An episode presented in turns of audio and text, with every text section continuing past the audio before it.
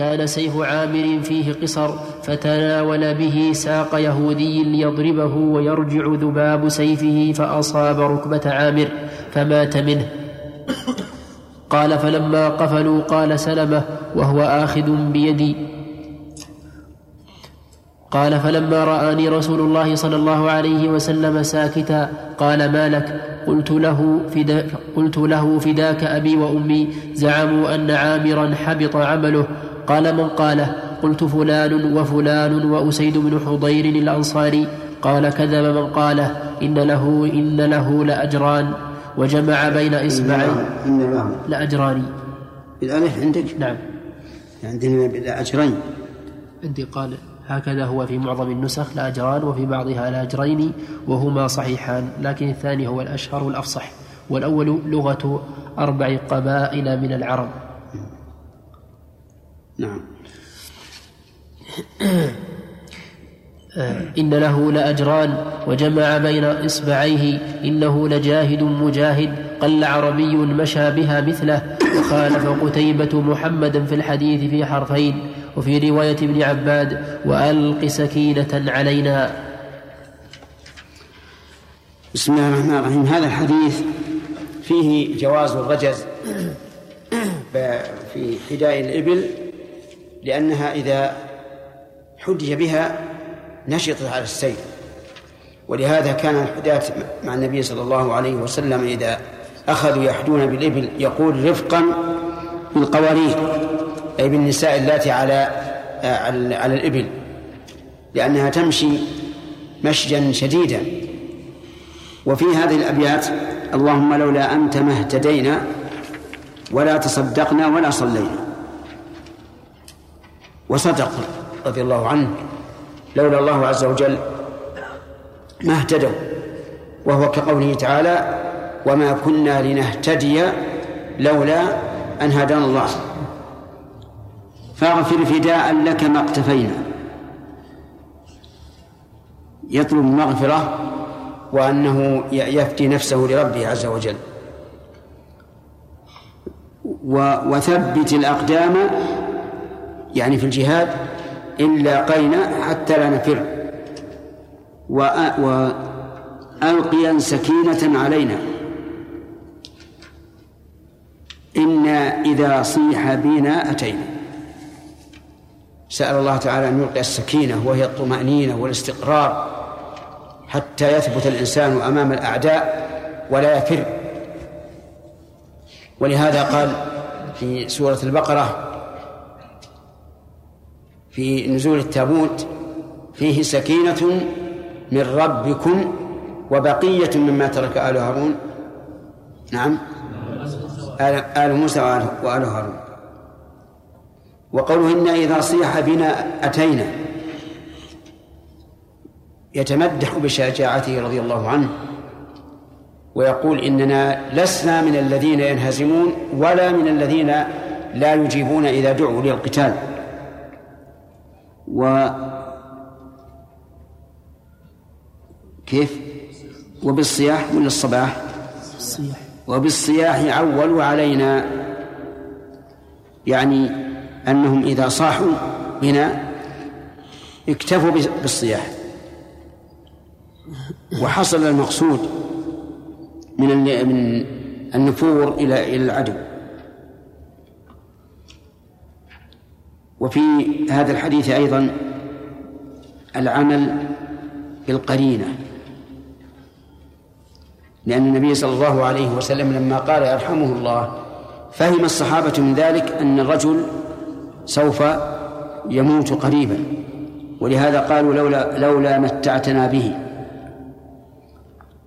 ومن فوائد هذا الحديث تبشير النبي صلى الله عليه وسلم المقاتلين بالفتح. حيث قال إن الله قد فتح عليكم. وفيه أيضا تحريم لحوم الحمر الأهلية وأن ذلك كان في خيبر. وكانت في الأول حلالا. فانظر حكمة الله عز وجل. حيث كان هذه هذه البهيمة كانت في أول النهار طاهرة مباحة. وفي آخر النهار نجسة محرمة لأن الأمر أمر الله عز وجل مع أنها في بالنسبة لعينها لم تتغير لكن غيرها حكم الله تبارك وتعالى. وفيه أن النبي صلى الله عليه وسلم أمر بكسرها بكسر القدور أولا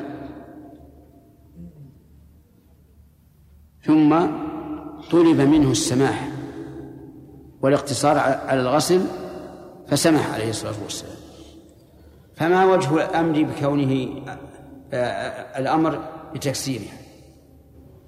الأمر بتكسيرها لئلا يتوانى الناس أو يتساهل الناس في أكل الحمر. حتى تبقى هذه الصورة في نفوسهم لا ينسونها.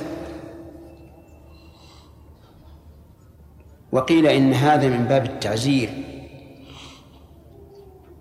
لكن لا وجه له. إذ التعزير إنما يكون لمن فعل المعصية متعمدا وهؤلاء لم يفعلوها متعمدين لأنهم بنوا على إيش؟ على الأصل الحل. لكن الظاهر أن الرسول عليه الصلاة والسلام أمر بهذا من أجل أن لا ينسى هذا الحدث. وفيه سهولة النبي صلى الله عليه وعلى آله وسلم وتيسيره وأنه إذا نوقش في شيء رجع إلى الأيسر ما لم يكن إثما كما هي عادته عليه الصلاة والسلام. ما خير بين شيئين إلا اختار أيسرهما ما لم يكن إثما. وفيه أيضا أن من قتل نفسه خطأ فليس عليه كفارة. خلافا لقول الفقهاء رحمهم الله إن من قتل نفسه خطأ فعليه الكفارة. فإن هذا القول ضعيف. يعني مثلا لو أن إنسانا معه سلاح وأخطأ فغمز الزند وقتل نفسه. فالمذهب أن عليه الكفارة. إن خلف مالا اشتري به رقبة وأعتقت وإن لم يخلف مالا صام عنه وليه إن شاء. وقيل إنه لا يصوم عنه وليه لأنه لم يتمكن من الصيام فسقط عنه. والصحيح سقوط الصيام عنه لكن الصحيح أنه إذا قتل نفسه خطأ فليس عليه شيء. وفيه أيضا آه، من فوائده تكذيب الحكم إذا كان غير صواب. لأن النبي صلى الله عليه وعلى آله وسلم كذبه قال كذب من قاله. ولكن هل معنى كذب أخطأ؟ قيل إن أهل الحجاز يسمون الخطأ كذبا. ومنه قول الرسول صلى الله عليه وسلم كذب أبو السنابل. يعني أخطأ. لأن الكذب الإخبار بخلاف الواقع عن عمد. وأما إذا لم يكن عن عمد فليس كذبا. إلا عند الحجازيين فهم يرون أن الخطأ كذب. و ومن فوائد هذا الحديث أن عامر بن أكوع رضي الله عنه له الأجر مرتين. الأجر الأول الجهاد وأنه أراد قتل العدو والأجر الثاني أنه أصيب بنفسه لأن سيفه قصير فرجع إليه رضي الله عنه. ومن فوائد هذا الحديث الثناء على من يستحق الثناء بعد موته لأن النبي صلى الله عليه وسلم أثنى على عامر بن الأكوع. لكن هذا الثناء ليس ثناء مبتدأ ولكنه في مقابل من من إيش؟ من قال إنه بطل أجره فهو عبارة عن دواء داء حصل لهذا الميت حيث قال إنه إنه قتل نفسه فبطل أجره فأراد النبي صلى الله عليه وعلى آله وسلم أن ينحو هذا في قوله إنه لجاهد مجاهد أي جاهد في نفسه مجاهد لأعداء الله. وقول قل عربي مشى بها مثله. فيه دليل على أن العرب هم أهل الحنكة والخبرة والشجاعة في الحرب وهو كذلك. فالعرب أفضل أصناف بني آدم. ويدل لهذا أن النبي صلى الله عليه وعلى آله وسلم بعث فيهم أشرف الخلق عند الله من بني آدم وهو الرسول صلى الله عليه وسلم. فكان ولم يكن من حكمة الله أن أن يبعثه إلا في أفضل الأجناس. ولهذا قال النبي صلى الله عليه وسلم إن الله اصطفى إسماعيل واصطفى من بني إسماعيل كنانة واصطفى من كنانة قريشا واصطفى من قريش بني هاشم واصطفاني من بني هاشم. صلوات الله وسلامه عليه. نعم. وحدثني أبو نعم. الطاهر الصحابة حبط عمله هل يؤخذ منه بأن الصحابة كانوا يعتقدون بأن قتل نفسه أو قتل النفس يحبط محبط للعمل. لا لا لا أظن أنهم يريدون حبوط العمل مطلقا الذي الذي يكون من لوازم الشرك لكن حبط عمله في جهاده هذا. نعم. في قوله فاغفر فداء لك. ها؟ فاغفر فداء لك ما اختفينا. نعم. بعض الشرح تأول هذا وقال ان إن هذا الخطاب فداء لك الرسول صلى الله عليه وسلم. يعني يخاطب الرسول؟ اي قال فداء لك خاصة. لا ما ما صح. المعنى نفدي أنفسنا لك ونتقرب إلى الله تعالى بأن نقتل من أجلك. نعم. عمل عمل خير هو يطلب من الناس كان هذا يعني يفتر العمل ولا ما يفتر والله حسب النية. إذا فعل الإنسان خيرا وقال يا جماعة أثنوا علي به هذا مرادك؟ هذا غلط لا شك أنه غلط. لكن هل يحبط العمل؟ أو يريد أن يدفع به عن نفسه لوما وصف به. هذا يرجع للنية لكنه مهما كان لا ينبغي أن يفعل.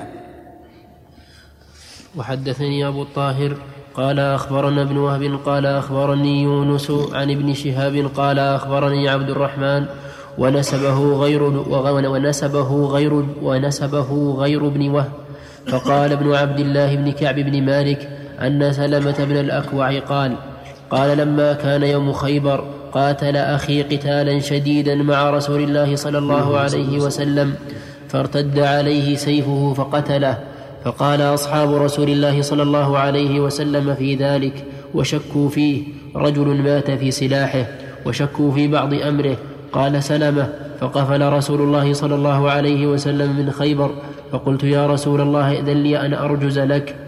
فأذن له رسول الله صلى الله عليه وسلم فقال عمر بن الخطاب أعلم ما تقول؟ قال فقلت والله قال فقلت والله لولا الله ما اهتدينا ولا تصدقنا ولا صلينا. فقال رسول الله صلى الله عليه وسلم صدقت. وأنزلن وأنزل وأنزلن سكينة علينا. شدته. أنزلا بسكون وأنزلا سكينة علينا وثبت الأقدام إن لاقينا والمشركون قد بغوا علينا. قال فلما قضيت رجزي قال رسول الله صلى الله عليه وسلم من قال هذا قلت قاله أخي فقال رسول الله صلى الله عليه وسلم يرحمه الله قال فقلت يا رسول الله إن, إن ناسا ليهابون الصلاة عليه يقولون رجل مات بسلاحه فقال رسول الله صلى الله عليه وسلم مات جاهدا مجاهدا قال ابن شهاب ثم سألت, ثم سألت ابنا لسلمة بن الأكوع فحدثني عن أبيه مثل ذلك غير أنه قال حين قلت إن ناسا يهابون الصلاة عليه فقال رسول الله صلى الله عليه وسلم كذبوا مات جاهدا مجاهدا فله أجره مرتين وأشار بإصبعيه. قول الصلاة عليه يعني الدعاء له لأن الصلاة عليه هو من الشهداء. والشهداء لا يصلى عليهم على على ما هو معروف. لكن يريد بذلك الصلاة عليه يعني الدعاء له بناء على وهمهم الفاسد أن أجره بطل وحبط عمله. شوف الشرح.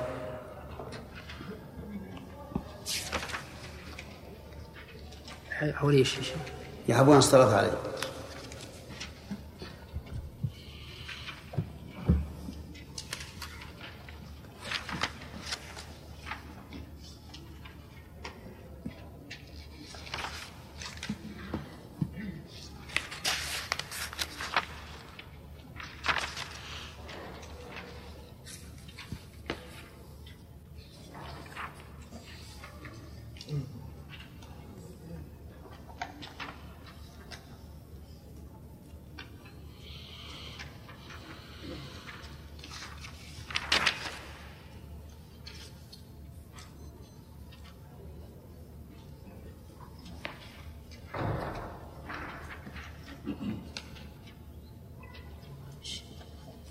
وجدت شيء. ما ذكر ما شيء. أشوف شيء في مسلم. ما أشوف ها؟ مسلم ما أشوف شيء.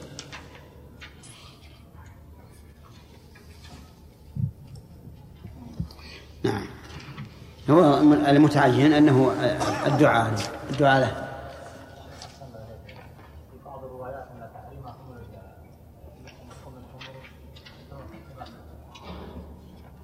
نعم في بعض الروايات ان تحريم خمر لحوم الخمر يوم فتح لا ما هو صحيح. هي حرمت يوم خيبر لا شك. وهم مهمتي نعم. نعم يحيى. قلنا إن له لاجلين احدهما كون أراد أن يقتل العدو والاجل الثاني على أنه قتل نفسه. قتل نفسه فيها فضيله فيها آه، خطأ. في جهاد. نعم. ماذا صحت من يقول أن النبي صلى الله عليه وآله وسلم أفضل جميع المخلوقات حتى من العرش حتى من الجنة؟ وإلى الآن ما بلغني هذا. الذي بلغني أنه سيد ولد آدم. ولكن عبارات العلماء آه، ال- ال- ال- الأئمة تدل على أنه أفضل الخلق. مثل ابن القيم يقول خيراته من خلقه.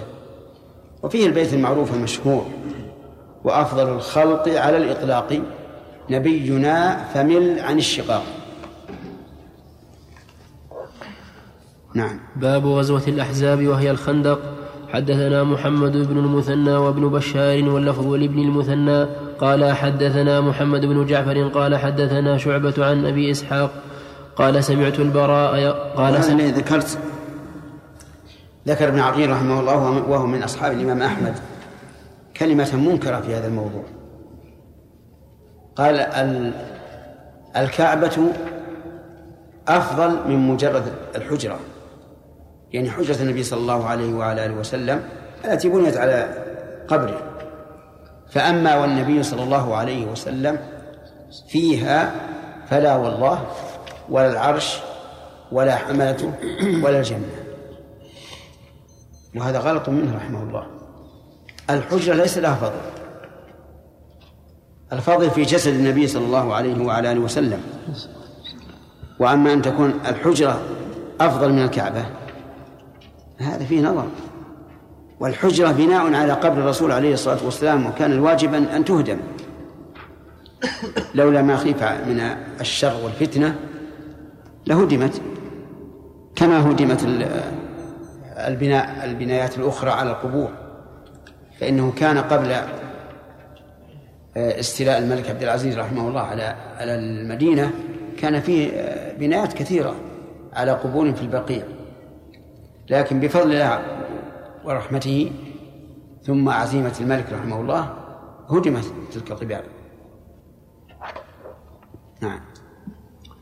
باب غزوة الأحزاب وهي الخندق. حدثنا محمد بن المثنى وابن بشار واللفظ لابن المثنى قال حدثنا محمد بن جعفر قال حدثنا شعبة عن أبي إسحاق أنه قال سمعت البراء قال كان رسول الله صلى الله عليه وسلم يوم الخندق ينقل, ينقل معنا التراب ولقد وار التراب بياض بطنه وهو يقول والله لولا أنت ما اهتدينا ولا تصدقنا ولا صلينا فأنزلا سكينة علينا إن الأولى قد بغوا علينا. بغوا ولا أبوا؟ أبوا نعم. إن الأولى قد أبوا علينا. قال وربما قال إن الملا قد أبوا علينا إذا أرادوا فتنة أبينا. وربما ورب ويرفع بها صوته. نعم. في هذا دليل على, على تواضع النبي صلى الله عليه وعلى آله وسلم وعلى حبه للمشاركة في الجهاد في سبيل الله. فكان عليه الصلاة والسلام ينقل مع أصحابه التراب وهم يحفرون الخندق. الخندق معروف. يحتاج إلى إلى تعب. وهم ينقلون التراب وهو ينقل معهم التراب. حتى أن بطنه يعني علق به التراب. فوار بياض بطنه. وفيه دليل على أن الإنسان يجوز أن يرتجز على العمل لأن ذلك يقويه وينشطه. وكان الناس يفعلون هذا قديما.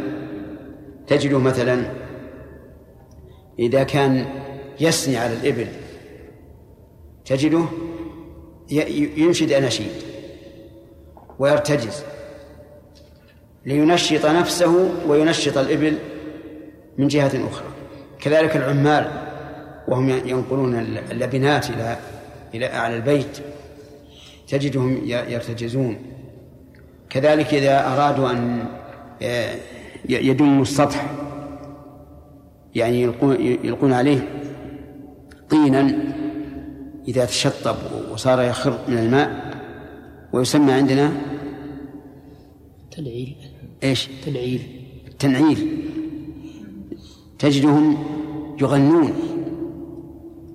غنى يعني يسمع من بعيد من أجل أن يتقووا فالغنى للتقوي على العمل لا بأس به.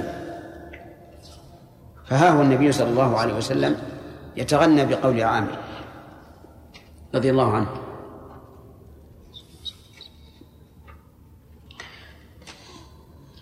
نعم. حدثنا محمد بن المثنى قال حدثنا عبد الرحمن بن مهدي قال حدثنا شعبة عن أبي إسحاق أنه قال سمعت البراء فذكر مثله إلا أنه قال إن الأولى قد بغوا علينا. حدثنا عبد الله بن مسلمة القعنبي قال حدثنا عبد العزيز بن أبي حازم عن أبيه عن سهل بن سعد أنه قال جاءنا رسول الله صلى الله عليه وسلم ونحن نحفر الخندق وننقل التراب على أكتافنا. فقال رسول الله صلى الله عليه وسلم اللهم لا عيش إلا عيش الآخرة فاغفر للمهاجرين والأنصار. في لفظ للأنصار والمهاجرة. فيقدم الأنصار على المهاجرة في اللفظ لا في الرتبة من أجل أن تتساوى أطراف النظم. وفي هذا تشجيع للصحابة رضي الله عنهم أنهم إذا تعبوا في نقل التراب فإن هناك عيشا خيرا من هذا وهو عيش الآخرة. وكان النبي صلى الله عليه وسلم إذا رأى ما يعجبه من الدنيا قال لبيك إن العيش عيش الآخرة. وهذه فائدة ينبغي للإنسان أن يقولها. إذا رأى ما يعجبه من الدنيا من سيارات أو قصور أو غير ذلك يقول لبيك إن العيش عيش الآخرة.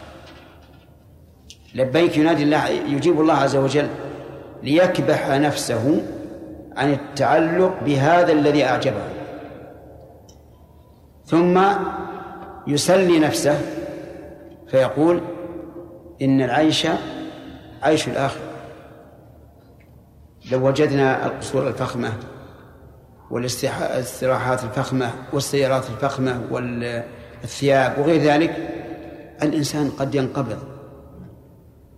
ولكن يقول لنفسه إيش؟ عبد الرحمن. عبد الرحمن. لبيك إن العيش عيش الآخر ليش؟ لبيك من أجل أن يكبح نفسه عن التعلق بهذا. فيقبل على الله عز وجل. إن العيش عيش الآخرة ليسلي نفسه. ويقول هذا العيش عيش زائل. والعيش الحقيقي هو عيش الآخرة فمرن نفسك على هذا القول ولا تمدن عينيك إلى أمام التعالى أو به أزواجا منهم. نعم. في حديث البراء في غزوة الخندق النبي عليه الصلاة والسلام كان يرتجز بهذه وسبق في حديث سلمة أنه عندما ارتجز وهم قاتلين من غزوة خيبر وهي بعدها سأله صلى الله عليه وسلم فقال من قال هذا نعم. هذا لعله من من تطابق الأفكار أو العقول ولا لا شك إن غزوة غزوة الأحزاب قبل قبل خيبر. أو يكون عامر قد قالها من قبل وأعادها في غزوة خيبر. أحد. نعم.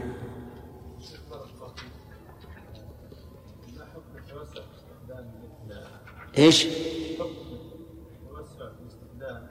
يسمى الان الاسلاميه بمثل هذه الاحاديث ثم في هو على كل حال ما يسمى بالأناشيد الإسلامية كانت أول ما ظهرت على الناس لا بأس بها. ما تستنكر فيها شيئا. لكن بلغني أنها الآن تغيرت وأنها حولت إلى ترنيم الأغاني الهابطة. هذه واحدة.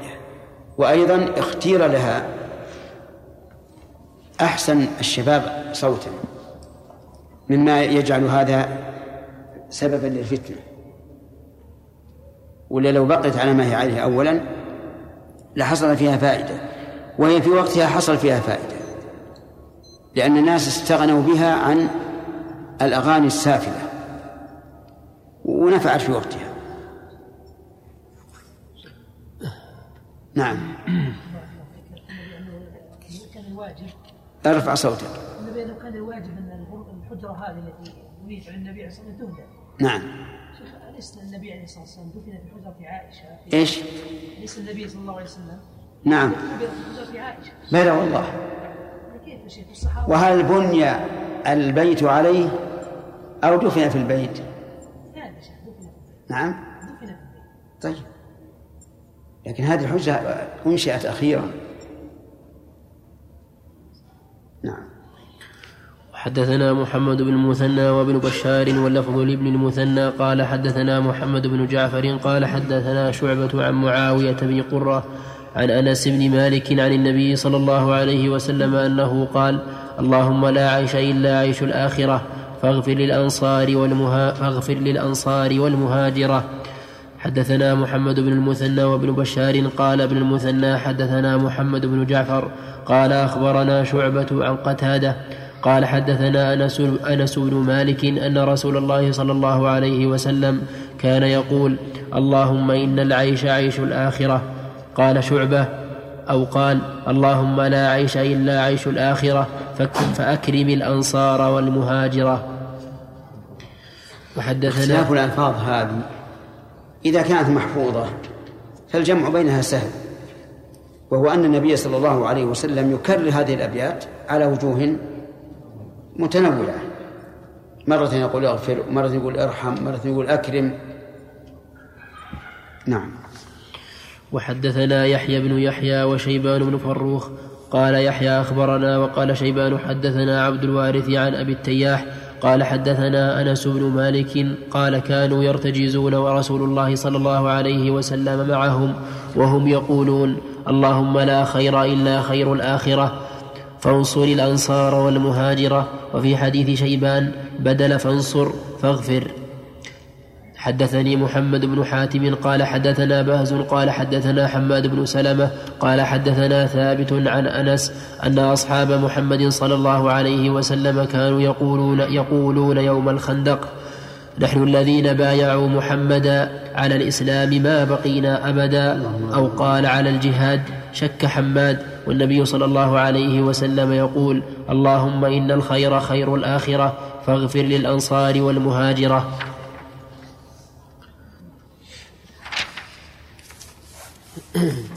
لا شك أنهم أكفاء رضي الله عنهم وأنهم بايعوا الرسول عليه الصلاة والسلام على الإسلام وعلى الجهاد ما بقوا أبدا. ووفوا والحمد لله بما بما بايعوا عليه.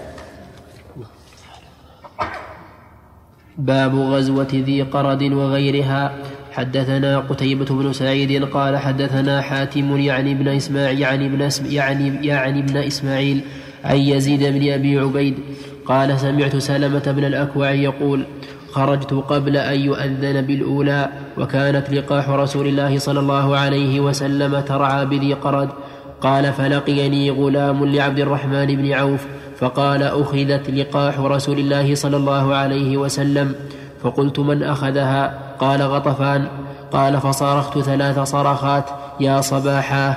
قال فأسمعت ما بين لابتي المدينة.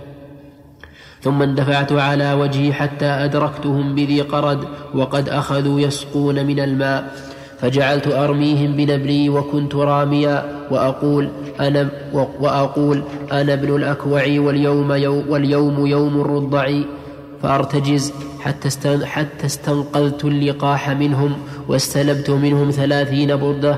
قال وجه شجاع رضي الله عنه. نعم. قال وجاء النبي صلى الله عليه وسلم والناس فقلت, فقلت يا نبي الله إني قد حميت القوم الماء وهم عطاش فابعث إليهم الساعة. قال يا, قال يا ابن الأكوع ملكت فأسجح. ثم رجعنا ويردفني رسول الله صلى الله عليه وسلم على ناقته حتى دخلنا المدينة. شرح الحديث؟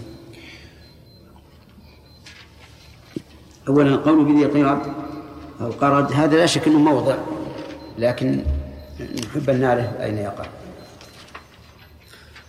من أول الباب. قوله كانت لقاح النبي صلى الله عليه وسلم ترعى بذي قرد بفتح القاف والراء وبالدال المهملة وهو ماء على نحو يوم من المدينة مما يلي بلاد غطفان. واللقاح جمع لقحة بكسر اللام وفتحها وهي ذات اللبن قريبة العهد بالولادة وسبق بيانها. قوله فصرخت ثلاث صرخات يا صباحا فيه جواز مثله للإنذار بالعدو ونحوه. إيش؟ فيه جواز مثله للإنذار بالعدو ونحوه. وقوله فجعلت أرميهم وأقول أنا ابن الأكوع واليوم يوم, واليوم يوم الرضع فيه جواز مثل هذا الكلام في القتال وتعريف الإنسان بنفسه إذا كان شجاعا ليرعب خصمه. وأما قوله اليوم اليوم اليوم يوم الرضع قالوا معناه اليوم اليوم يوم هلاك اللئام وهم الرضع من قولهم لئيم راضع أي رضع اللؤم في بطن أمه. وقيل لأنه يمص حلمة الشاة والناقة لئلا يسمع لئلا يسمع السؤال والضيفان صوت الحلاب. عجيب. بخيل هذا. نعم. لئلا يسمع السؤال والضيفان صوت الحلاب فيقصدوه. وقيل لأنه يرضع طرف الخلال الذي يخلل الذي يخلل به أسنانه ويمص ما يتعلق به وقيل معناه اليوم يعرف من رضع كريمة فأنجبته أو لئيمة فهجنته. وقيل معناه اليوم يعرف من أرضعته الحرب من صغر وتدرب بها ويعرف غيره ويعرف غيره. قوله حميت القوم الماء أي منعتهم إياه. قوله صلى الله عليه وسلم ملكت فأسجح هو بهمزة قطع ثم سين مهملة ساكنة ثم جيم مكسورة ثم حاء مهملة ومعناه فأحسن و فأحسن وارفق والسجاحة السهولة. أي لا تأخذ بالشدة بل ارفق فقد, حص فقد حصلت النكاية في العدو ولله الحمد. كانه عليه الصلاة والسلام يعني يقول ليتك لم تمنعه الماء. ما دمت انتصرت لنفسك وأخذت اللقاح.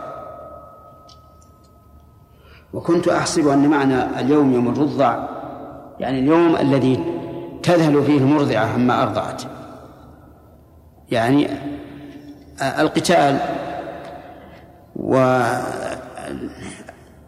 والحصول على المقصود. لكن هذا لا لم يذكر على اختلاف الآراء في معناه ما ذكر حدثنا أبو بكر بن أبي شيبة قال حدثنا هاشم بن القاسم حا وحدثنا إسحاق بن إبراهيم قال أخبرنا أبو عامر العقدي كلاهما عن عكرمة بن عمار حاء وحدثنا عبد الله بن عبد الرحمن الدارمي وهذا حديثه. قال أخبرنا أبو علي الحنفي عبيد الله بن عبد المجيد قال حدثنا عكرمة وهو ابن عمار قال حدثني إياس بن سلمة قال حدثني أبي قال قدمنا الحديبية مع رسول الله صلى الله عليه وسلم ونحن أربع عشرة مئة وعليها خمسون شاة لا ترويها. قال فقعد رسول الله صلى الله عليه وسلم على جبل ركية فإما دعا وإما بسق فيها. قال فجاشت فسقينا واستقينا. قال ثم إن رسول الله صلى الله عليه وسلم دعانا للبيعة في أصل الشجرة. قال فبايعته أول الناس ثم بايع وبايع حتى إذا كان في وس حتى إذا كان في وسط حتى إذا كان في وسط من الناس. قال بايع يا سلمة.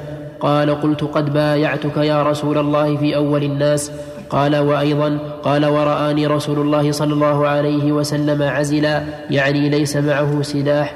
قال فأعطاني رسول الله صلى الله عليه وسلم حجفة أو درقة ثم بايع حتى إذا كان في آخر الناس. قال ألا تبايعني يا سلمة؟ قال قلت قد بايعتك يا رسول الله في أول الناس وفي, أوس وفي, وفي أوسط الناس. قال وأيضا قال ف قال وأيضا قال فبايعته الثالثة. ثم قال لي يا سلمة أين, أين حجفتك أو درقتك التي أعطيتك؟ قال قلت يا رسول الله لقيني عمي عامر عزلا فأعطيته إياها.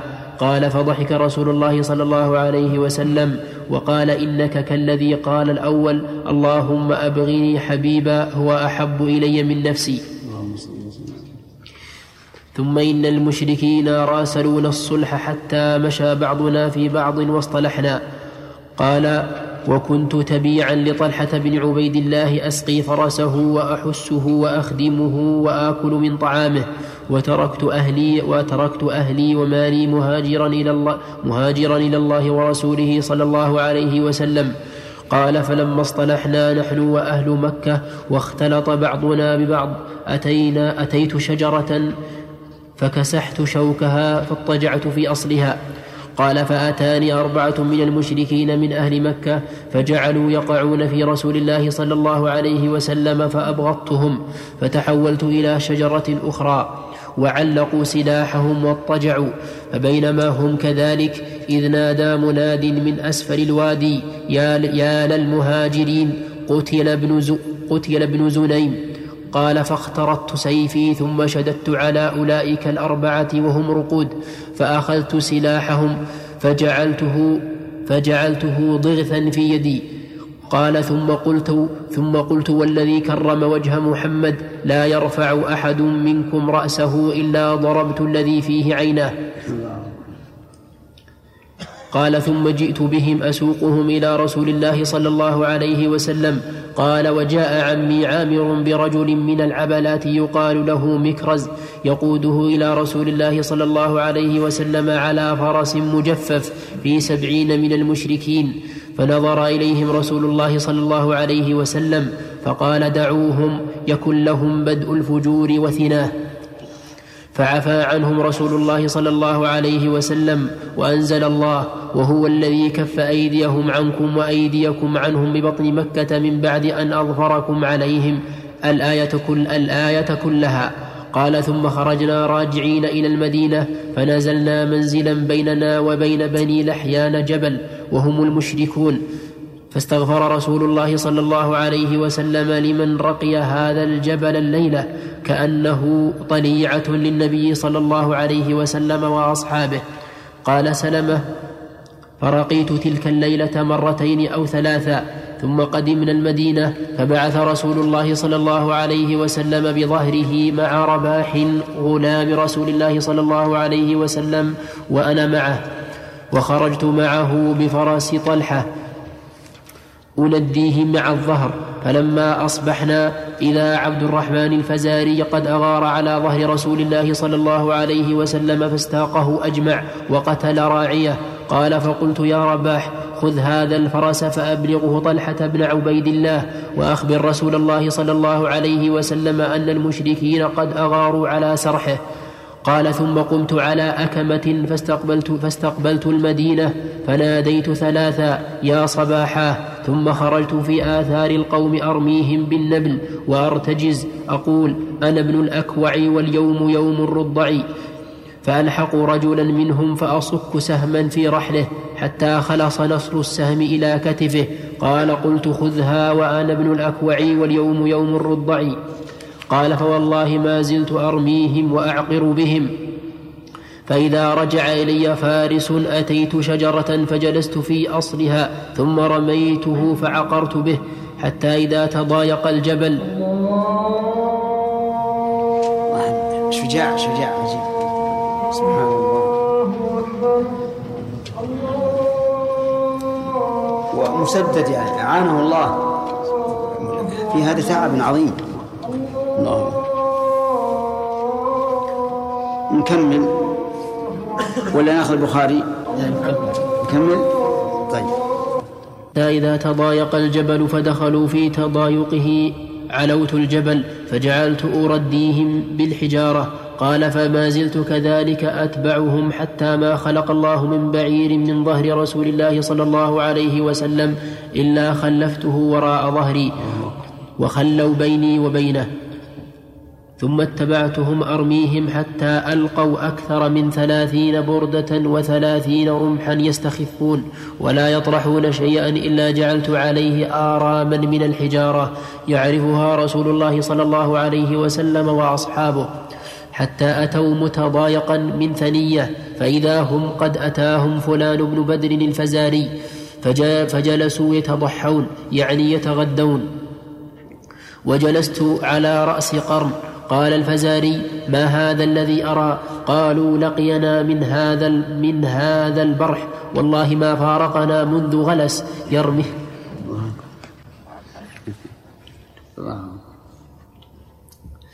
والله ما فارقنا منذ غلس يرمينا حتى انتزع كل شيء في أيدينا. قال فليقم إليه نفر منكم أربعة. قال فصع فصع فصعد إلي منهم أربعة في الجبل. قال فلما أمكنوني من الكلام قال قلت هل تعرفوني؟ قالوا لا. ومن أنت؟ قلت قال قلت أنا سلمة بن الأكوع والذي قال أنا سلم قال أنا سلمة بن الأكوع والذي كرم وجه محمد صلى الله عليه وسلم. لا أطلب رجلا منكم إلا أدركته ولا يطلبني رجل منكم فيدركني. قال أحدهم أنا أظن قال فرجعوا فما برحت مكاني حتى رأيت فوارس رسول الله صلى الله عليه وسلم يتخللون الشجر. فإذا أولهم الأخرم الأسدي على إثره أبو قتادة الأنصاري وعلى إثره المقداد بن الأسود الكندي قال فأخذت بعنان الأخرم. قال فولوا مدبرين. قلت, قلت يا أخرم احذرهم لا يقتطعوك حتى يلحق رسول الله صلى الله عليه وسلم وأصحابه. قال يا سلمة إن كنت تؤمن بالله واليوم الآخر وتعلم أن الجنة حق والنار حق فلا تحل بيني وبين الشهادة. قال فخليته فالتقى هو وعبد الرحمن. قال فعقر بعبد الرحمن فرسه وطعنه عبد الرحمن فقتله وتحول على فرسه. ولحق أبو قتادة فارس رسول الله صلى الله عليه وسلم بعبد الرحمن فطعنه فقتله فهو الذي كرم وجه محمد صلى الله عليه وسلم. نعم. نعم.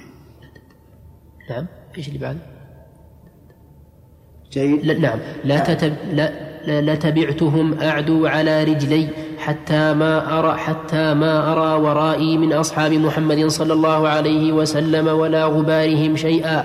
حتى يعدلوا حتى يعدلوا قبل غروب الشمس إلى شعب فيه ماء يقال له ذا قرد ليشربوا منه. نعم. ذو قرد. نعم. ذو عندي من نص عجيب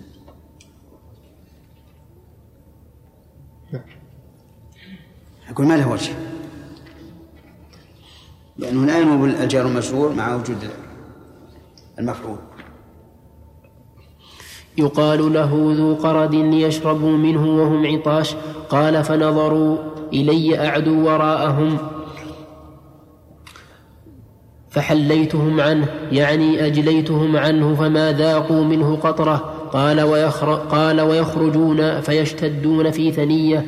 قال فأعدوا فألحقوا رجلا منهم فأصكه بسهم في نغض في نغض كتفه. قال قلت خذها فيه نغض فيه نغض بي بسهم في نغض كتفه. قال قلت خذها وأنا ابن الأكوع واليوم يوم الرضع. قال يا ثكلته أمه أكوعه بكرة. قال قلت نعم قلت نعم يا قلت نعم يا عدو نفسه أكوعك بكرة. قال وأ... قال وأرادوا فرسين على قال وأردوا. قال وأ...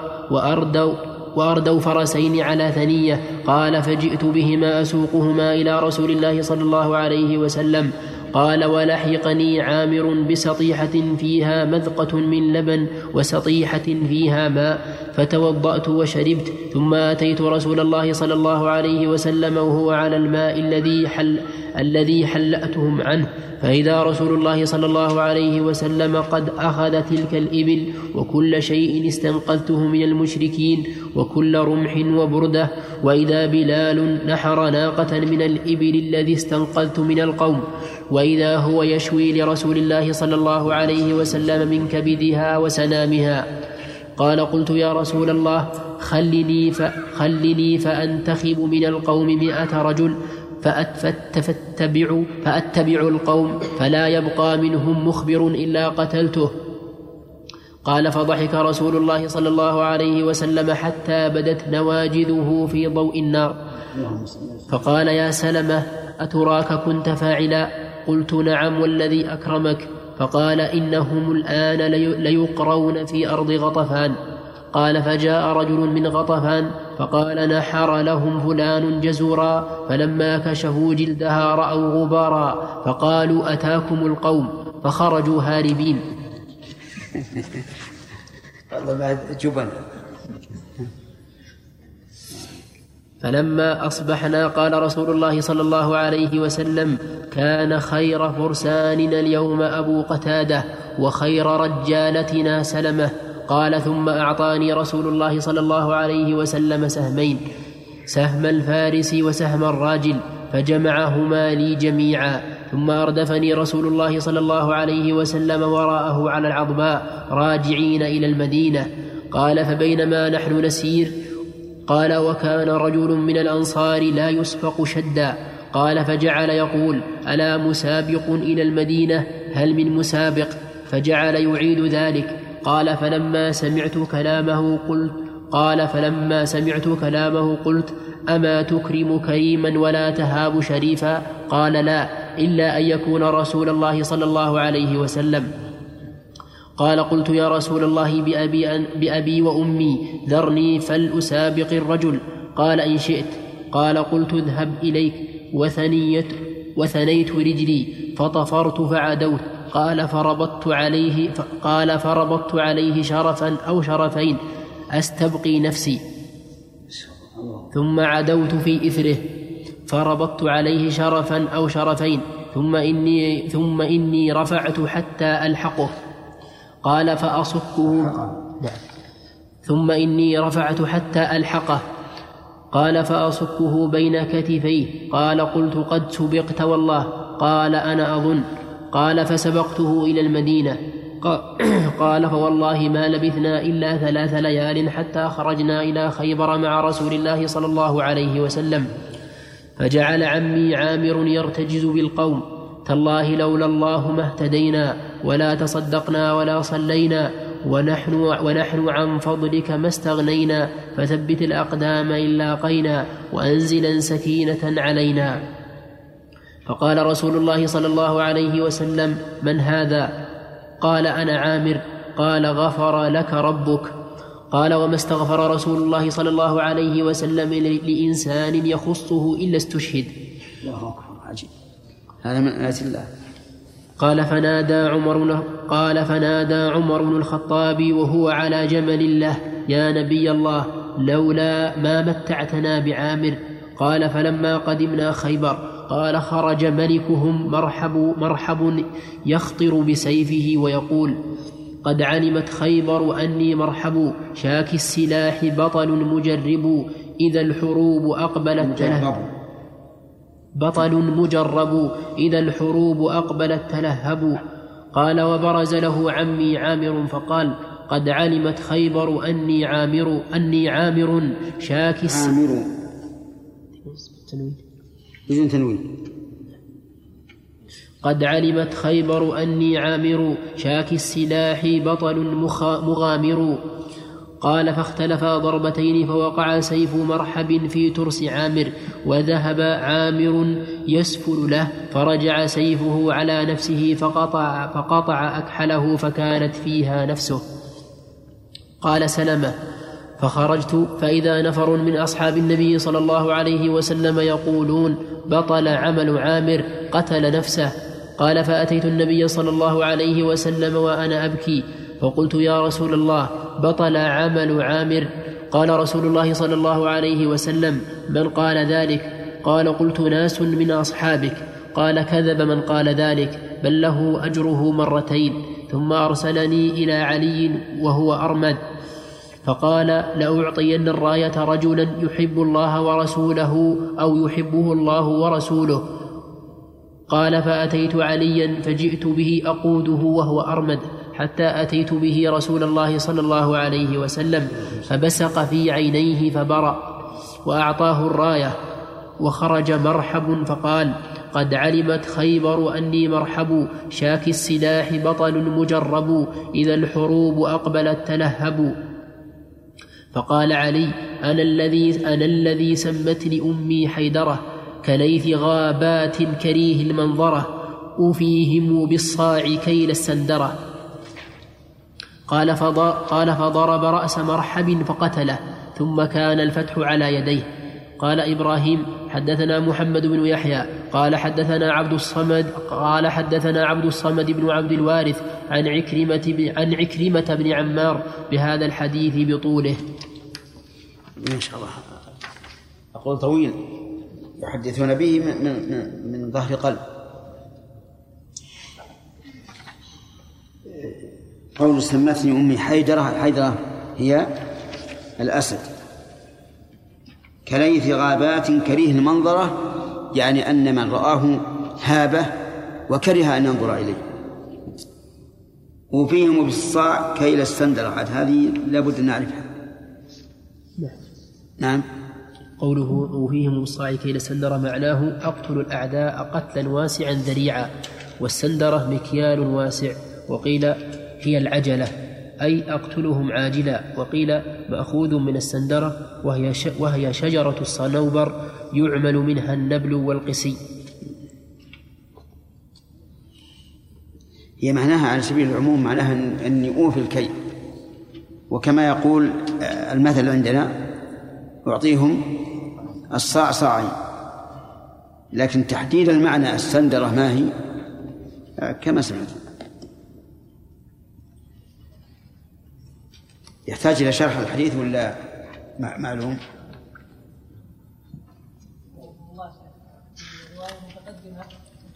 سلمة أن عامرا أخوه. نعم. وفي الروايات الأخرى أنه عم عمه.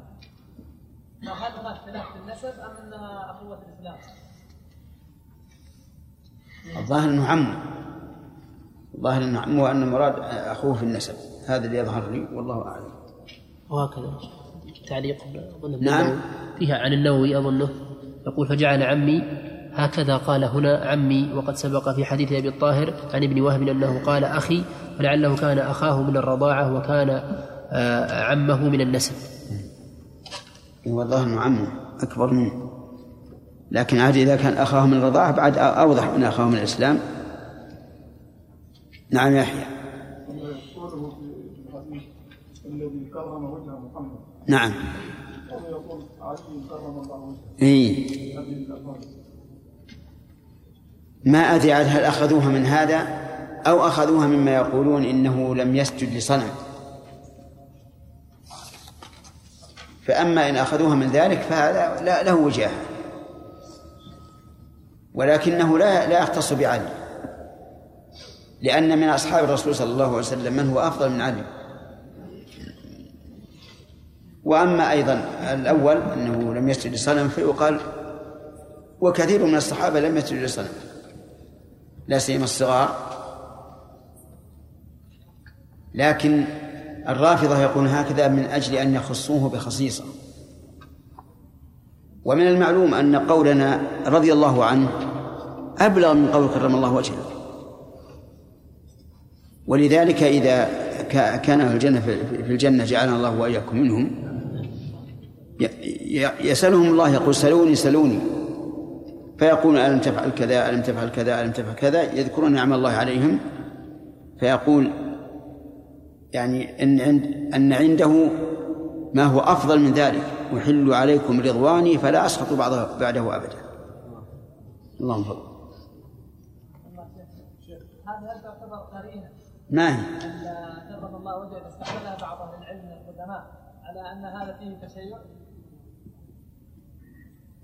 بعضهم قد يكون في وسط شيعي ويريد أن يروج كتابه. فيقول هذه كلمة حقيقية إن الله كرم وجهه لأنه من الصحابة. أقولها من أجل التأليف والإقبال على على مؤلفاته كما يصنع ذلك أحيانا آه، الشوكاني رحمه الله. لا تسلم بسم الله الرحمن الرحيم. الحمد لله رب العالمين وصلى الله وسلم على عبده ورسوله نبينا محمد وعلى آله وأصحابه أجمعين. قال الإمام مسلم رحمه الله تعالى في كتاب الجهاد والسير من صحيحه وحدثنا أحمد بن يوسف الأزدي السلمي قال حدثنا النضر بن محمد عن عكرمة بن عمار بهذا باب قول الله تعالى وهو الذي كف أيديهم عنكم الآية. حدثني عمرو بن محمد الناقد قال حدثنا يزيد بن هارون قال أخبرنا حماد بن سلمة عن ثابت عن أنس أن ثمانين رجلا من أهل مكة هبطوا على رسول الله صلى الله عليه وسلم من جبل التنعيم من جبل التنعيم متسلحين يريدون غرة النبي صلى الله عليه وسلم وأصحابه. فأخذهم سلما فاستحياهم فأنزل الله عز وجل وهو الذي كف أيديهم عنكم وأيديكم عنهم ببطن مكة من بعد من بعد أن أظفركم عليهم. أخذهم سلما يعني أنه أسرهم ولم يقتلهم عليه الصلاة والسلام.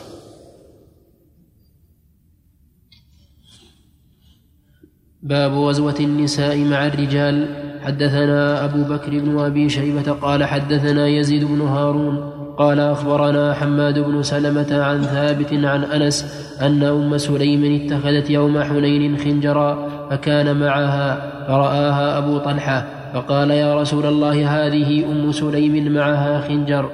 فقال لها رسول الله صلى الله عليه وسلم ما هذا الخنجر؟ قالت اتخذته إن دنا مني أحد من المشركين بقرت به بطنه. فجعل رسول الله صلى الله عليه وسلم يضحك. قالت يا رسول الله أقتل من بعدنا من الطلقاء إن هزموا بك؟ فقال رسول الله صلى الله عليه وسلم يا أم سليم إن الله قد كفى. أقتل ولا أقتل؟ أقتل.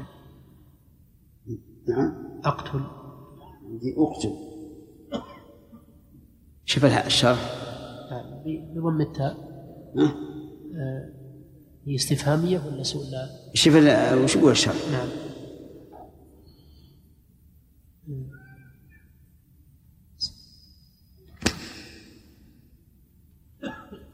قوله اقتل من بعدنا من الطلقاء هو بضم الطاء وفتح وفتح اللام. وهم الذين أسلموا من أهل مكة يوم يوم الفتح. سموا بذلك لأن النبي صلى الله عليه وسلم من عليهم وأطاقهم وكان في إسلامهم ضعف. فاعتقدت أم سليم أنهم منافقون وأنهم مستحق القتل بانهزامهم وغيره وقولها من بعدنا أي من سوانا. بس هي تقول أقتل ولا لها الأمر نعم. مسكن. ما في شيء شوف الشرح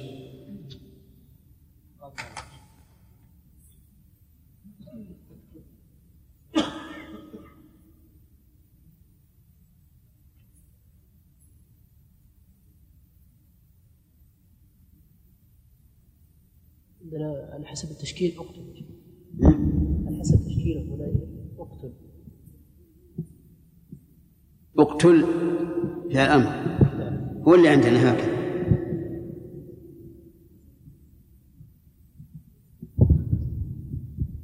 يقول أعتقد جمهور سليم أنهم منافقون وأنهم استحقوا القتل بانهزامهم وقولها من بعدنا اي من نعم. فعل أمر إيه؟ نعم. لكن الشيخ عبد الرحمن قراها أ- اقتل على سبيل الاستفهام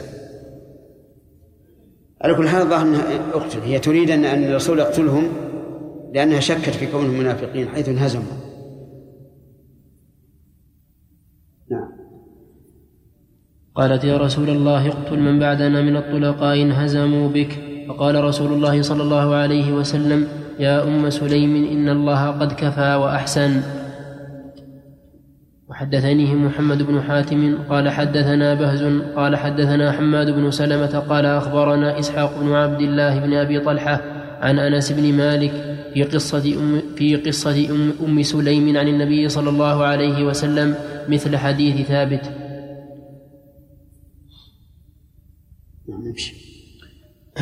حدثنا يحيى بن يحيى قال أخبرنا جعفر بن سليمان عن ثابت عن أنس بن مالك أنه قال كان رسول الله صلى الله عليه وسلم يغزو بأم سليم ونسوة من الأنصار معه إذا غزا فيسقين الماء ويداوين الجرحى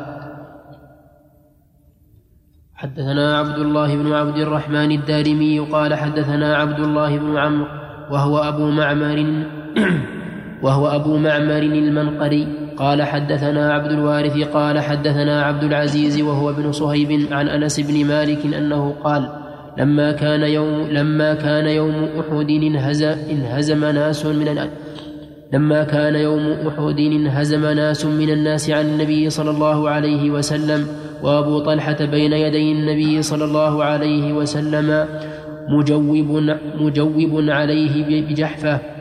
قال وكان أبو طلحة رجلا راميا شديد النزع وكسر يومئذ قوسين أو ثلاثا.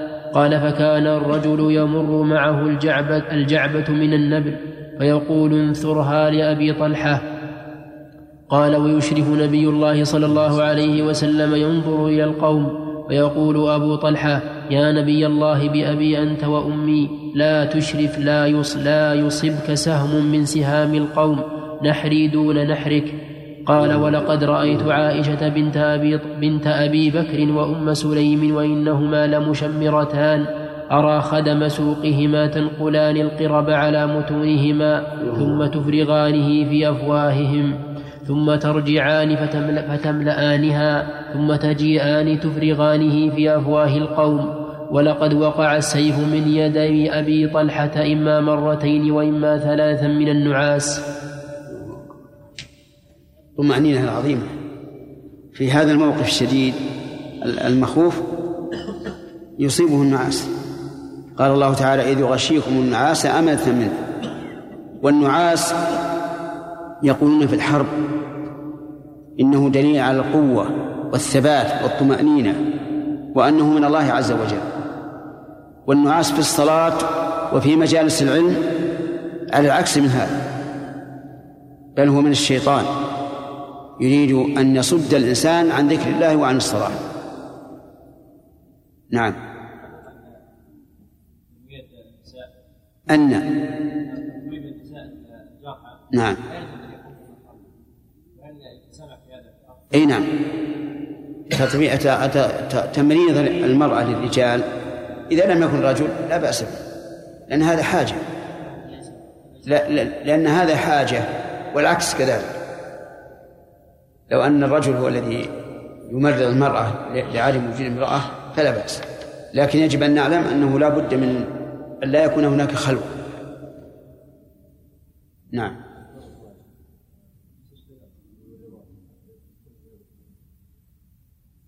من أي ناحية؟ هنا. هذه حاجة. حاجة لا بأس بها. لكن بشرط أن لا يكون هناك خلوة وأن تكون المرأة غير متبرجة ولا جالبة للفتنة. أحياء.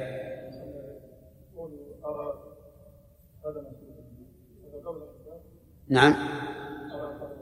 متى هذا؟ متى؟ أي, أي وقت؟ في أحد؟ يعني الحجاب متأخر. السنة السادسة أو الخامسة ثلاث؟ باب النساء الغازيات يرضخ لهن ولا يسهم والنهي عن قتل صبيان أهل الحرب. حدثنا عبد الله بن مسلمة بن قعنب قال حدثنا سليمان يعني بن بلال عن جعفر بن محمد عن أبيه عن يزيد بن هارون أن نجدة كتب إلى ابن عباس يسأله عن خمس خلال فقال ابن عباس لولا أن أكتم علما ما كتبت إليه. كتب إليه نجدة.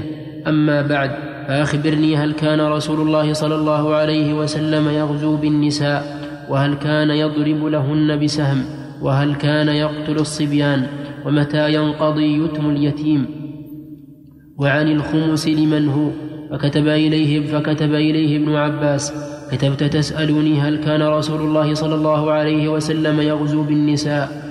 وقد كان يغزو بهن فيداوين الجرحى ويحذين من الغنيمة و وأما بسهم فلم يضرب لهن وإن رسول الله صلى الله عليه وسلم لم يكن لم يكن يقتل الصبيان فلا تقتل الصبيان. وكتبت تسألني متى ينقضي يتم اليتيم فلعمري إن الرجل لتنبت لحيته وإنه لضعيف الأخذ لنفسه ضعيف العطاء منها. فإذا أخذ لنفسه من صالح ما يأخذ الناس فقد ذهب عنه اليتم. وكتبت تسألني عن الخمس عن الخمس لمن هو؟ وإنا كنا نقول هو لنا فأبى علينا قومنا, قومنا ذاك. حدثنا أبو بكر بن أبي شيبة وإسحاق بن إبراهيم كلاهما عن حاتم بن إسماعيل عن جعفر بن محمد عن عن أبيه عن يزيد بن هارون أن أن نجدة كتب إلى إلى ابن عباس يسأله عن خلال بمثل حديث سليمان بن بلال. غير أن في حديث حاتم وإن رسول الله صلى الله عليه وسلم لم يكن يقتل الصبيان فلا تقتل الصبيان إلا أن تكون تعلم ما علم الخضر من الصبي الذي قتل. وزاد إسحاق في حديثه عن حاتم وتميز المؤمن فتقتل الكافر وتادع المؤمن.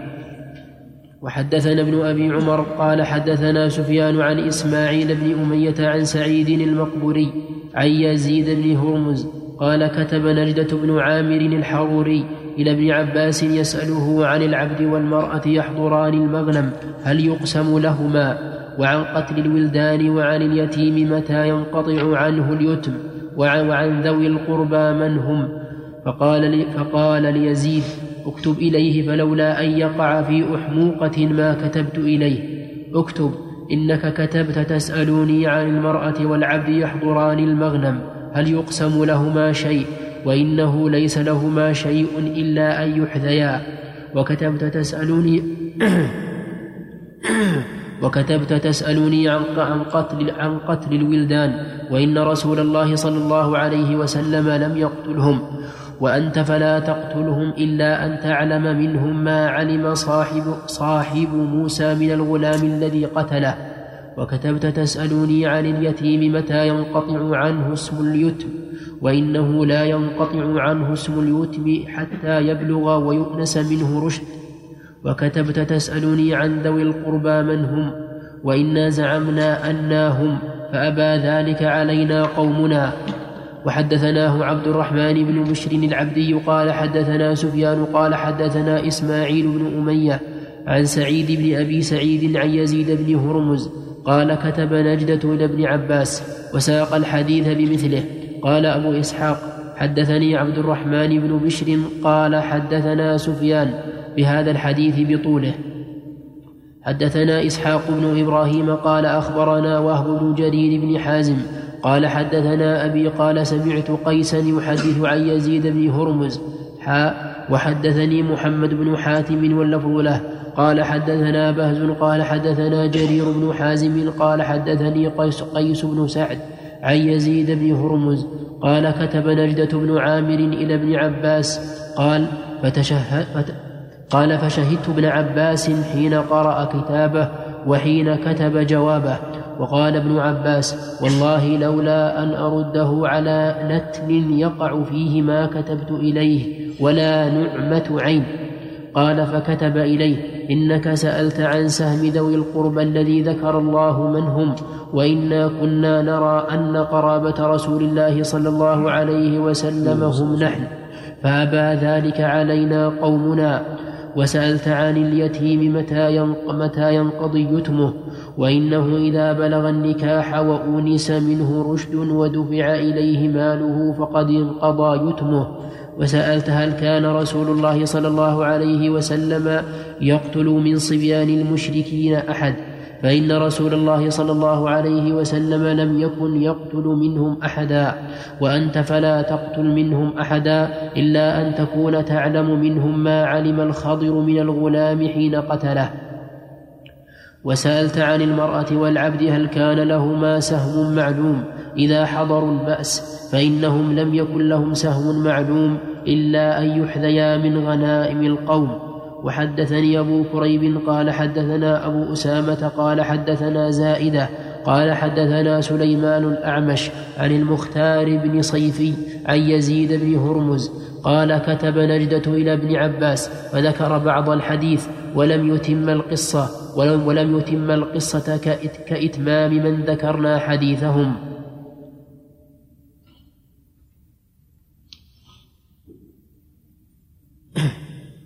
حدثني أبو بكر بن أبي شيبة قال حدثنا عبد الرحيم عبد الرحيم بن سليمان عن هشام عن حفصة بنت سيرين عن أم عطية الأنصارية قالت غزوت مع رسول الله صلى الله عليه وسلم سبع غزوات أخلفهم في رحالهم فأصنع لهم الطعام وأداوي الجرحى وأقوم على المرضى. وحدثنا عمرو الناقد قال حدثنا يزيد بن هارون قال حدثنا هشام بن حسان بهذا الإسناد نحوه. كل هذه الأحاديث معناها واضح إلا مسألة اليتم. فإن ابن عباس رضي الله عنهما حمل اليتم على إعطاء اليتيم ماله وبين أنه لا يزول يتمه حتى يبلغ ويكون حسن التصرف. ولهذا قال الله عز وجل وابتلوا اليتامى حتى إذا بلغوا النكاح فإن آنستم منهم رشدا فادفعوا إليهم أموالهم ولا تأكلوها إسرافا وبدارا أن يكبر. هذا باعتبار المال. أما باعتبار الوصف فإنه يزول اليتم ببلوغ خمس عشرة سنة أو بإنبات الشعر العانة أو بالإنزال. وعلى هذا فلو أوصى شخص ليتيم أو قال هذا وقف على اليتامى. فإن من بلغ لا يستحق لأنه زال اليتم. فابن عباس رضي الله عنهما أراد بهذا القيد اليتم الذي يستحق به اليتيم أن يعطى ماله. وهذا نص في القرآن أنه لابد أن نأنس منهم رشدا وإلا فلا. وفي رد ابن عباس رضي الله عنهما على نجدة الحروري وهو من الخوارج كما هو معروف دفعا للشر والفتنة دليل على أن الإنسان يجب أن يلاحظ العواقب وأن لا يأخذ بظواهر الأمور وأنه يتواضع من أجل الحق. وما يدريك لعل الله عز وجل يقلب قلب هذا الإنسان الذي تكره أن تجيبه أو أو ترى أن تهجره لعل الله أن يقلب قلبه حتى يعود إلى رشده وفيه النهي عن قتل الصبيان. لأن الصبيان إذا أسروا صاروا ملكا للمسلمين. يكونون أرقة بمجرد السبي. ففي قتلهم ضرر على المسلمين. ولأن الصبيان في الغالب لا يقاتلون. والقتل إنما يكون للمقاتلين. ولذلك لو فرض أن امرأة من العدو قاتلت معهم ثم أسرناها فلنا أن نقتلها. لأنها مقاتلة. نعم.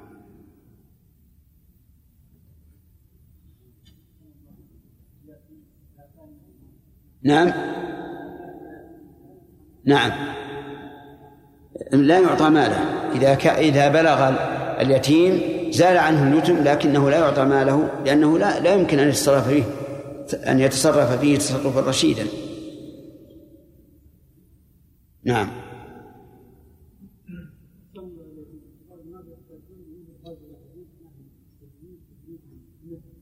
نعم.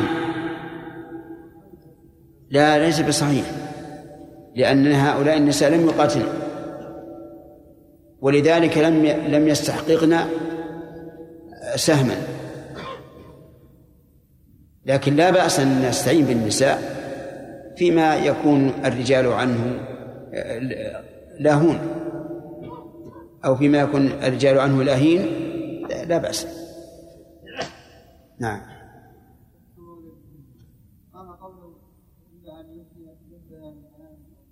إيش؟ يحدى يعني يعطى بدون بدون سهم. الحذية يعني الرضخ لهما بدون تقدير سهم.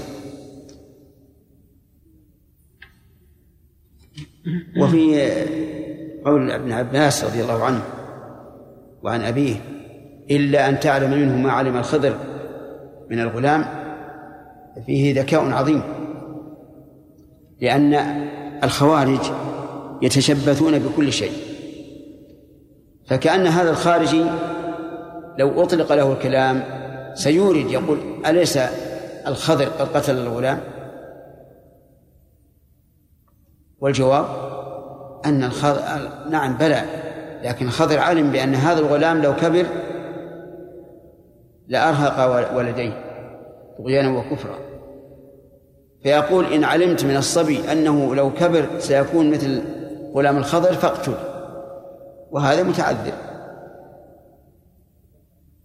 لكنه قاله دفعا لإيراد هذا الخارجي لو أورده. نعم. ثلاثة. باب عدد غزوات النبي صلى الله عليه وسلم. حدثنا محمد بن المثنى وابن بشار واللفظ لابن المثنى. قال حدثنا محمد بن جعفر قال حدثنا شعبة عن أبي إسحاق أن عبد الله بن يزيد خرج يستسقي بالناس فصلى ركعتين ثم استسقى. قال فلقيت يومئذ زيد بن أرقم وقال ليس بيني وبينه غير رجل أو بيني وبينه رجل. قال فقلت له كم غزا رسول الله صلى الله عليه وسلم؟ قال تسع عشرة. نعم قال تسع عشرة. فقلت كم غزوت أنت معه؟ قال سبع عشرة غزوة. قال فقلت فما أول غزوة غزاها؟ قال ذات العسير أو العشير. وحدثنا أبو بكر بن أبي شيبة قال حدثنا يحيى بن آدم قال حدثنا زهير عن أبي إسحاق عن زيد بن أرقم سمعه منه أن رسول الله صلى الله عليه وسلم غزا تسع عشرة غزوة وحج بعدما هاجر حجة لم يحج غيرها حجة الوداع.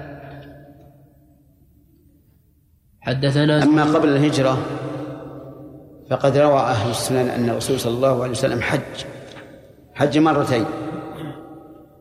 وأما بعد بعد الهجرة لم يحج إلا مرة لكنه اعتمر أربع عمر. نعم. حدثنا زهير بن حرب قال حدثنا روح بن عبادة قال حدثنا زكريا قال أخبرنا أبو الزبير أنه سمع جابر بن عبد الله يقول غزوت مع رسول الله صلى الله عليه وسلم تسع عشرة غزوة قال جابر لم أشهد بدرا ولا أحدا منعني أبي. فلما قتل عبد الله يوم أحد لم أتخلف عن رسول الله صلى الله عليه وسلم في غزوة قط قول منعني أبي في هذا دليل على أن للأب أن يمنع أن يمنع ابنه من من الجهاد. ولكن هل إذا قلنا إن له ذلك هل الأفضل أن يمنعه أو الأفضل أن يأذن له؟ هذا يرجع إلى حال الولد. فإذا كان حال الولد لائقة بالقتال فالأفضل أن يأذن له وإلا فلا.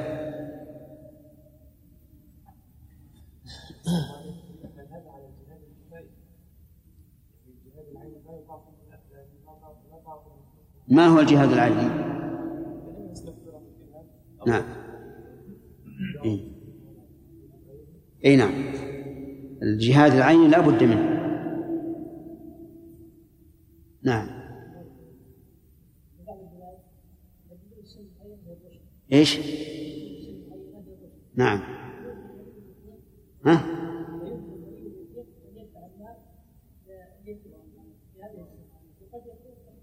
سواء آنس سواء آنس منه رشد أم لا ها؟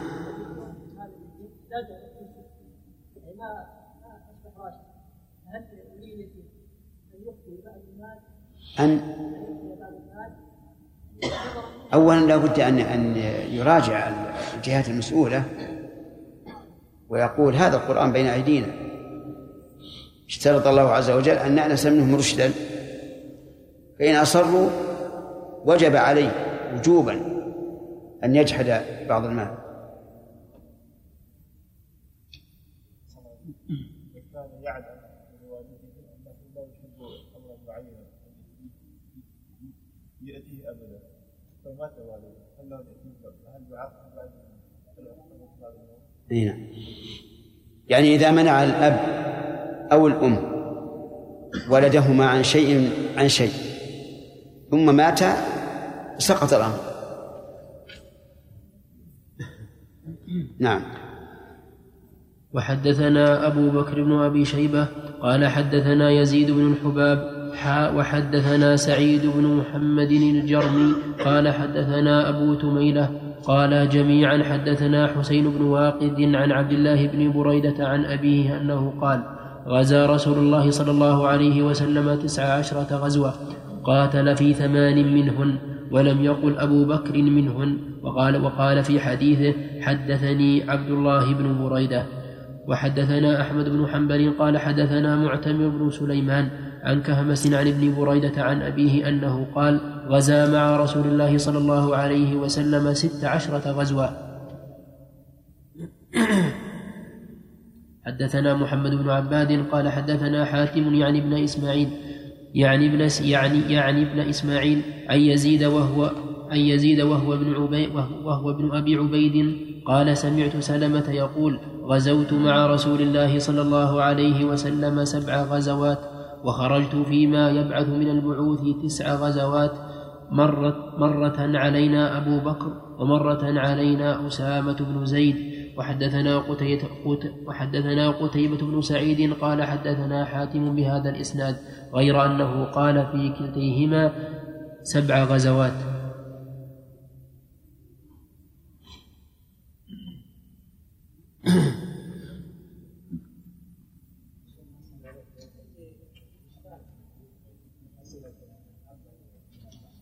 نعم. في جواب. نعم.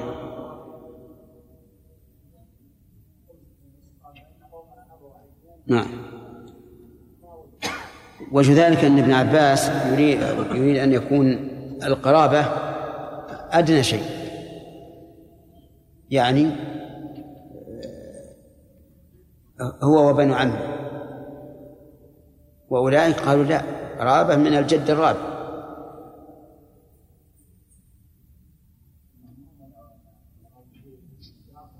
أي نعم.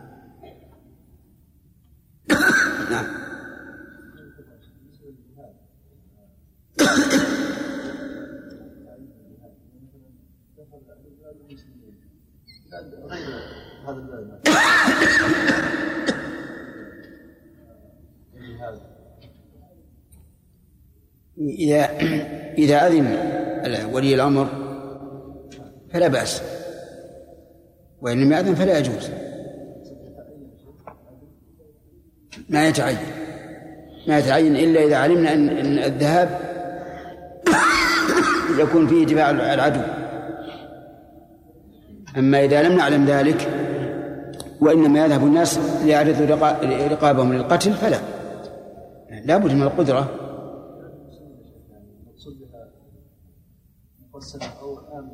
لا عام عام. لكن ما يلزمك إلا إذا حصل بلدك. العدو. نعم.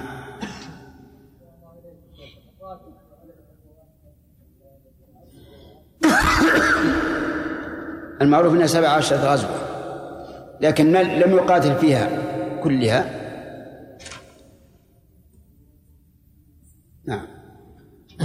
باب غزوة ذات الرقاع. حدثنا أبو عامر عبد الله بن براد الأشعري ومحمد بن العلاء الهمداني واللفظ لأبي عامر.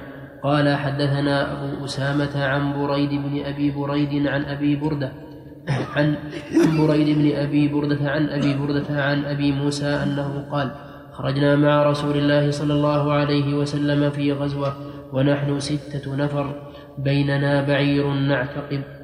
بيننا بيننا بعير نعتقبه. قال فنقبت أقدامنا قال فنقبت أقدامنا فنقبت قدماي وسقطت أظفاري فكنا نلف على أرجل على أرجلنا الخرق فسميت غزوة ذات الرقاع لما كنا نعصب على أرجلنا من الخرق قال أبو بردة فحدث أبو موسى بهذا الحديث ثم ذلك قال كأنه كره. قال أبو بردة فحدث أبو موسى بهذا الحديث ثم كره ذلك.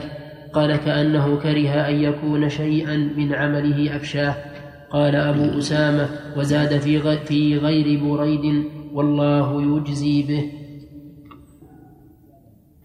نعم. قال أبو أسامة وزادني غير بريد والله يجزي به. نعم. باب كراهة الاستعانة في الغزو بكافر.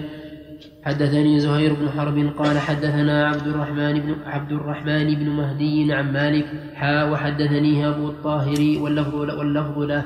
قال حدثني عبد الله بن وهب عن حدثني عبد الله بن وهب عن مالك بن أنس عن الفضيل بن أبي عبد الله عن عبد الله بن نيار الأسلمي عن عروة بن الزبير عن عائشة زوج النبي صلى الله عليه وسلم أنها قالت خرج رسول الله صلى الله عليه وسلم قبل بدر فلما كان بحرة الوبرة أدركه رجل قد كان يذكر منه جرأة ونجدة ففرح أصحاب رسول الله صلى الله عليه وسلم حين رأوه فلما أدركه قال لرسول الله صلى الله عليه وسلم جئت لأتبعك وأصيب معك.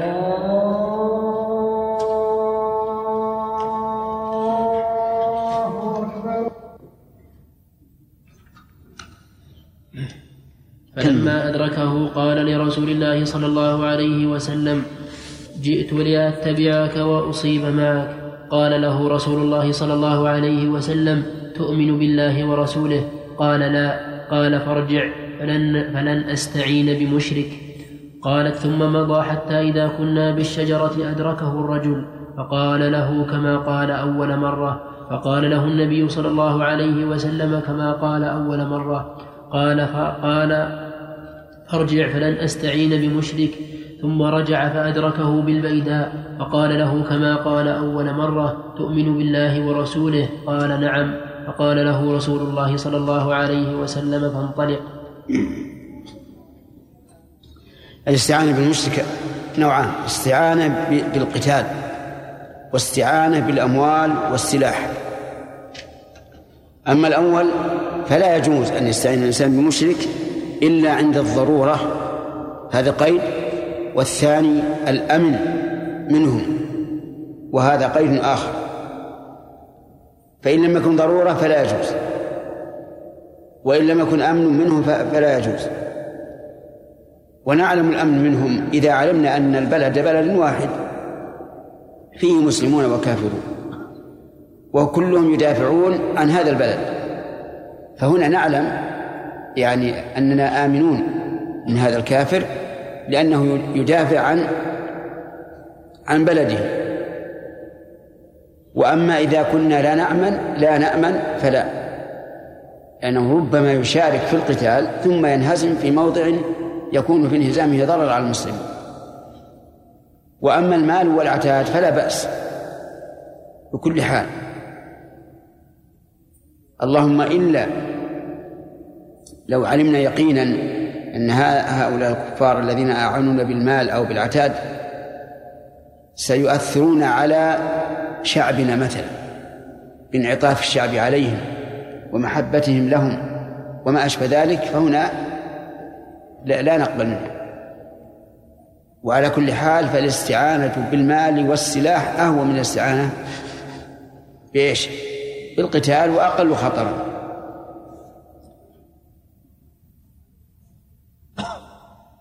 انتهى الجزء الخامس. نعم.